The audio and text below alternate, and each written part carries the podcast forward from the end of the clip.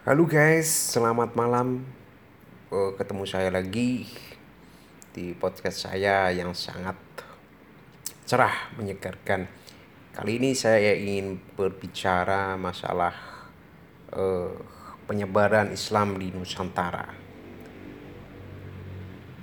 Kita langsung mulai ceritanya penyebaran Islam di Nusantara. Penyebaran Islam di Nusantara adalah proses menyebarnya agama Islam di Nusantara, terutama sekarang di Indonesia.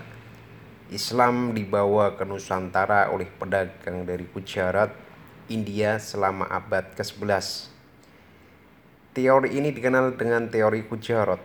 Namun, teori ini mempunyai kelemahan karena teori ini didapatkan dari seorang orientalis penjajah Belanda, Senok Herjron Sejarah lain menyebutkan Islam telah ada di Nusantara sekitar tahun 625 Masehi yang berarti Nabi Muhammad Shallallahu Alaihi Wasallam masih hidup dan hanya berbeda 15 tahun setelah Rasulullah menerima wahyu pertama atau sembilan setengah tahun setelah Rasulullah berdakwah terang-terangan kepada bangsa Arab